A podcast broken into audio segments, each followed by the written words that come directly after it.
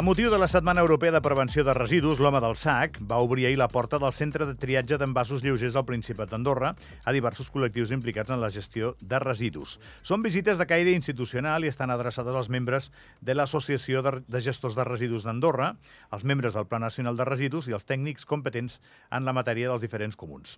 El tema està que tots generem residus, un munt de residus, estem millorant, crec que sensiblement respecte a èpoques pretèrites en la consciència social sobre allò que, que és eh, brossa i com l'hem de separar per ajudar, per contribuir a que aquests residus tinguin doncs, eh, un impacte menor eh, en la nostra vida i sobretot un impacte menor negatiu.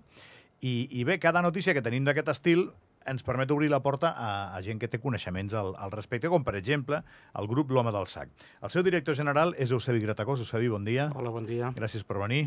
És un plaer estar aquí amb vosaltres. I tant, i nosaltres també. I la Sílvia Callejón, que és la cap de comunicació de, de l'empresa. Bon dia també. Bon dia. Gràcies als dos per venir-nos a veure. Per què serveix, Eusebi, això d'ahir? Uh, que vinguin a veure el que feu. Que, bueno. no està, que no està prou clar, que és una feina que, no, que, que, que crida molt l'atenció a veure com es fa. Explica'm. Nosaltres pensem que encara hi ha gent que no coneix el que es fa aquí amb els residus, no? que pensa que els residus van a, a valorització energètica, energètica quan en aquí a Andorra s'està fent una molt bona tasca en quant als residus que s'agreguen. Aleshores és important donar a conèixer que tenim un centre de, de tractament i de separació dels diferents residus del contenidor groc a nivell dels que hi ha a Europa i divulgar aquesta, aquesta, aquesta tasca que fem perquè sàpiga que la, la gent sàpiga que quan està separant a casa els seus envasos allò té un tractament, té un reciclatge i que afavoreixen el medi ambient. Llavors és una tasca totalment divulgativa que intentarem en un futur fer aquestes visites de portes obertes també a la ciutat, al ciutatà. No? Vull dir, ara la planta no està preparada perquè és una planta industrial, però també volem que puguin venir escoles, vull dir, que es pugui obrir a més gent la, la visita perquè veient, veiem aquesta, que es vegi aquesta tasca que fem eh, gràcies a la concessió que tenim del govern d'Andorra. A mi m'agrada aquesta música, tal com sona. Eh? Els crios això ho han de veure, eh, Sílvia, que sí? I tant perquè ells són els que o, o espallaran més eh, el planeta o, o potser són els que tindran marge per intentar salvar el que quedi, no? Sí, sí. Bueno, de fet, nosaltres ho notem que les noves generacions estan molt més conscienciades que, que no pas els que estem ara. Llavors arriben com més preparats també. Ells ja tenen desenvolupada aquesta consciència, entenc. Sí, jo crec que es fa, es fa una bona tasca a nivell de les escoles, cada cop hi ha més escoles verdes, crec que Andorra quasi totes, llavors eh, ja els consciencien des de, també us dic que el màrqueting no sé si us ajuda, eh? Jo quan era petit l'home del sac era una cosa dolenta, eh? bueno... Està molt ben vist el, el nom de l'home del sac pel reciclatge, però si porteu criatures a veure com ho fem, això, eh? Que l'home del sac... No sé si encara s'utilitza. Tu, Ricard, que et deien lo de l'home del sac, a mi m'ho deien. Eh? Menja tu tot, que si no vindrà l'home del sac. I no era recollir residus. Nosaltres hem vingut en son de pau i no hem portat el sac avui, o sigui que no, no, no, hi, no hi ha cap problema. No. no, però és un molt bon nom, eh? Pel, pel que feu és un nom de màrqueting molt xulo, però clar, per crios no sé. Bueno, és que té un origen... Eh, nosaltres som una empresa que estem fent eh, tota classe de residus, pràcticament, no? Des de eh, xatarra, residus de la construcció, eh, deixalleries, el, a la planta d'envasos, o sigui, dediquem en general a fer una mica tota classe de residus. I el nostre origen, l'empresa aquesta té 30 anys eh, i, i, i després tenim FEPER, que va fer 50 anys l'any passat, eh, va néixer eh, amb els big bags aquests d'obra, recollint això. Vull dir, a partir d'aquesta recollida de big bags hem anat passant a contenidors, a recollides selectives, a plantes de tractament, però l'origen, el ser la recollida d'aquests sacs de runa, doncs, bueno, mira, d'una forma original es va dir, doncs, mira, l'home del sac, i, i es va penjar un sac de runa a l'esquena en el logo, i, no, i, funciona, i d'aquí ve l'origen. Sí, perquè ens hem plantejat a vegades des de comunicació de buscar un altre nom més tècnic, més modern, més anglès, però dic, però si l'home del sac tothom el coneix. Que va, si el nom és boníssim. És un nom que queda, que tothom ens coneix. Amb el que costa, posa un nom divertit i que es quedi sí. a una empresa, sí. no el toquis per res. Sí, sí. Jo no t'ho recomanaria gens. Farem cas. Eh, Eusebi, si jo entro allà, per exemple, jo que no hi he anat mai, Uh, això és un programa de ràdio, no posarem imatges, no? es veu per la tele també, però, però és un programa de ràdio. Uh, què veuré? Què em cridarà l'atenció en, aquest, en aquesta instal·lació? Bueno, aquesta instal·lació hi ha, que diguem, la platja, perquè és allà on se'n descarreguen els camions de recollida selectiva els envasos, i en allà doncs, hi trobem una mica de tot, no? A vegades hi ha envasos, a vegades hi ha plàstics, a vegades hi ha fusta, hi ha una mica de coses, no, no tots són envasos. Tenim un... a L'any 2022 teníem, que crec que ahir el ministre ja va fer referència a la visita que va fer, estàvem amb un 40% d'impropis, és a dir, que un 40% del que hi ha al contenidor no és envasos. Aquest any, fins a octubre, s'ha reduït gràcies a les campanyes de divulgació del govern i estem amb un 35%, però això hauria de baixar. No? Aleshores, és, Això és culpa nostra, no? és culpa... Sí, no ho sé de qui és culpa. Home, clar, és culpa nostra. Si els residus els separem nosaltres, és que no els, no els separem prou bé, no? Sí. Bé, hi ha diverses coses també que afecten. Eh? Eh, per exemple, els mesos on hi ha més impropis són els mesos de, de, de turisme, no? desembre, gener, febrer, març i agost. No? Bueno, ja cul- culpa nostra ja anava als humans, no només als andorrans, eh? Home. Jo, clar, jo volia salvar els residents perquè sí que s'està fent una bona tasca. Abans he parlat amb l'Adrià Arxilla d'això, eh? I, i òbviament em semblava que ja, ja hi caus automàticament, Sí. Sílvia. Amb tantíssims turistes, nosaltres tenim una dificultat afegida per fer les polítiques que voldríem, eh, partint de nosaltres, no? Clar, tenim tanta població flotant Exacte. i, i nosaltres no ens comportem igual quan som turistes que quan vivim a, o sigui, quan estem en el nostre hàbitat, eh? De Exacte. turistes som més marranos, les coses com són. És veritat. Totalment d'acord. I més despreocupats, sí o no? Sí, sí, i tant. I què fem amb això? O no es pot fer res? Bueno, Podem fer nosaltres- campanyes pels turistes? Clar, aquí nosaltres no... Però tu què creus? Jo penso que sí, que es podria fer. Bueno, Es podria això fer depèn de govern, i- m'imagino, no? Molt bé, Eusebi, eh, què, què et sembla això que acabo de dir? Bueno, jo crec que aquí, clar, és molt complicat fer una campanya amb els turistes perquè no els hi farem a l'entrada del país.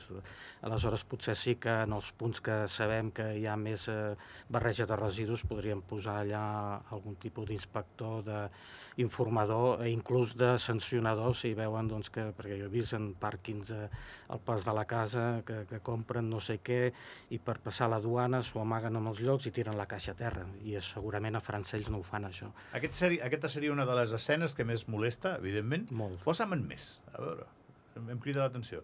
En- El consum de, de Sí. no sé, de, de gelats, de ampolles de plàstic, de... és això, no? M'estàs parlant d'això. Sí, bueno, no, no, ara no sabria per on d'anar. També tenim una realitat en aquí a Andorra de que els habitatges són petitets, eh, el tamany de tot és perquè el preu del metro quadrat és el que és, les cuines són petites i a vegades hi ha gent que no té lloc per posar quatre cubells diferents per separar. Això també és un problema que tenim que, que, que de difícil solució. Per què de difícil solució?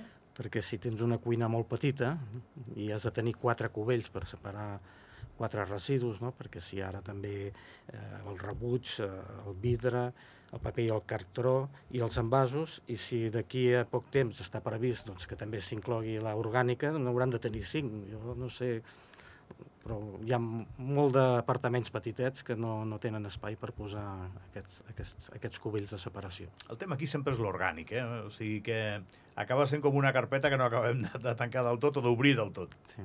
Què fem amb això? Bueno, l'orgànic ja governa, que nosaltres estem fent una recollida d'orgànica, ho ha fet a grans productors i ja s'està fent, però dins del Pla Nacional de Residus Horitzó 2035 està previst doncs, que pugui haver-hi una recollida orgànica a nivell de, de, de ciutadà. Molt bé, ahir, eh, en l'acte aquest, al final, el mateix ministre eh, va dir des de Medi Ambient es recorda que al contenidor groc només hi han d'anar els envasos de plàstic per expand, acer, eh, acer i alumini, brics i films. No s'hi ha de dipositar tot el que sigui de plàstic, només els envasos. És eh, precisar molt més del que precisem la gent. Sí, I per això dic que, que, que què fem, Sílvia, amb això? Eh, Cal, ca- calen campanyes? Que, com, com ho podem resoldre, això? Explica'm. Penso que sí que s'haurien de fer campanyes i s'hauria de- d'educar una mica doncs, a, a la població, perquè bueno, ha la simple paraula de plàstic, eh, els envasos de plàstic, doncs la, la gent es pensa que, que és el plàstic també. Llavors, eh, no, és a dir, són els envasos de, de plàstic, els lleugers, no és una joguina de plàstic que tiro també al contenidor groc, perquè això no és un envàs. Jo crec que la gent hem anat cremant etapes, hem, hem millorat i hem pensat, doncs ja ho tenim, això, no? Ja, ja està, ja sabem fer el, reciclatge. I em temo que no. És això el que m'esteu dient, no? Sí, correcte. Tenim la percepció aquesta, eh, de que hi ha gent que creu que els plàstics poden, tenen que anar al contenidor groc. I potser encara falta una mica de, de divulgació de que allà hi van o que és envàs. Bueno, purament doncs, envàs. ha de ser la següent campanya del govern d'Andorra, no? I sobretot que no hi hagin també, perquè potser alguna eh, petita indústria també hi tira envàs industrial, que això té un altre tractament. Escolta, i la teva indústria, eh, Eusebi, el teu negoci, eh, Sí, canviarà molt en poc temps, tu sí creus? té que canviar. Sí? Sí, perquè Cap a on? Bueno, hi ha una llei que va sortir l'any passat d'economia circular que ens ha d'ajudar doncs, a l'aprofitament dels residus i a millorar doncs, el tractament d'aquests residus perquè es puguin reaprofitar. Aleshores, jo crec que el nostre futur a curt o mig termini està en reconvertir-nos en gestors d'economia circular. O sigui, eh, el govern ja està desenvolupant uns reglaments perquè es puguin aprofitar els residus, de que sobretot els plàstics. Els plàstics, hi ha tanta diversitat de plàstics que és molt complex eh, poder-los reciclar. Aleshores, eh, ja s'ha fet alguna cosa, com suprimir eh, les monodosis, una sèrie de coses que, que, que generen plàstics. Aleshores, nosaltres hem de deixar de ser gestors de residus per ser gestors d'economia circular, perquè tot el que arribi es pugui tornar a reincorporar en el circuit eh, productiu industrial. Com afecta això a la teva empresa? Això és bo perquè... No, em refereixo, has de canviar maquinària, has de canviar... Hauràs de formar personal, no? Vull dir... Sí, sí, haurem de canviar la forma. Però bueno, la, el canvi més gran té que ser legislatiu, eh, o sigui, el que no pot ser és que es permeti fabricar eh, productes que no siguin reciclables. No? Que ara es fabriquen productes pensant sempre en el cost, no en que puguin ser reciclables. Llavors, doncs, és aquí on té que haver-hi una legislació i nosaltres tot el que sigui canviar, anar endavant, ens agrada. O sigui, Sempre et demano jo, Eusebi, en aquestes coses, quin, quin marge tenim a Andorra tan petits com som, no? Perquè tot el que passa ens ve de fora, ens ve donat, sí. és a dir, les, les modes, les tendències, el, Sí. si, si més o menys per, per tot arreu del món això s'acaba acceptant com un mètode, nosaltres hi caurem, i si no, poca influència tindrem, no? Bueno, això també està a nivell de la Unió Europea i nosaltres a Andorra ens estem alineant amb les polítiques de la Unió Europea, o sigui que sí que anirem a, dins de, al, al nostre entorn. Molt bé, Eusebi, no, no et molestem més. Venies a, a, amb ganes aquesta entrevista, crec que era la teva primera. Sí, Ha anat bé? sí. La podem reciclar? En un podcast? Bueno, A quin contenidor la poso? la posaré al contenidor de les entrevistes bones, xules, sí. consumibles eh, i que senten bé.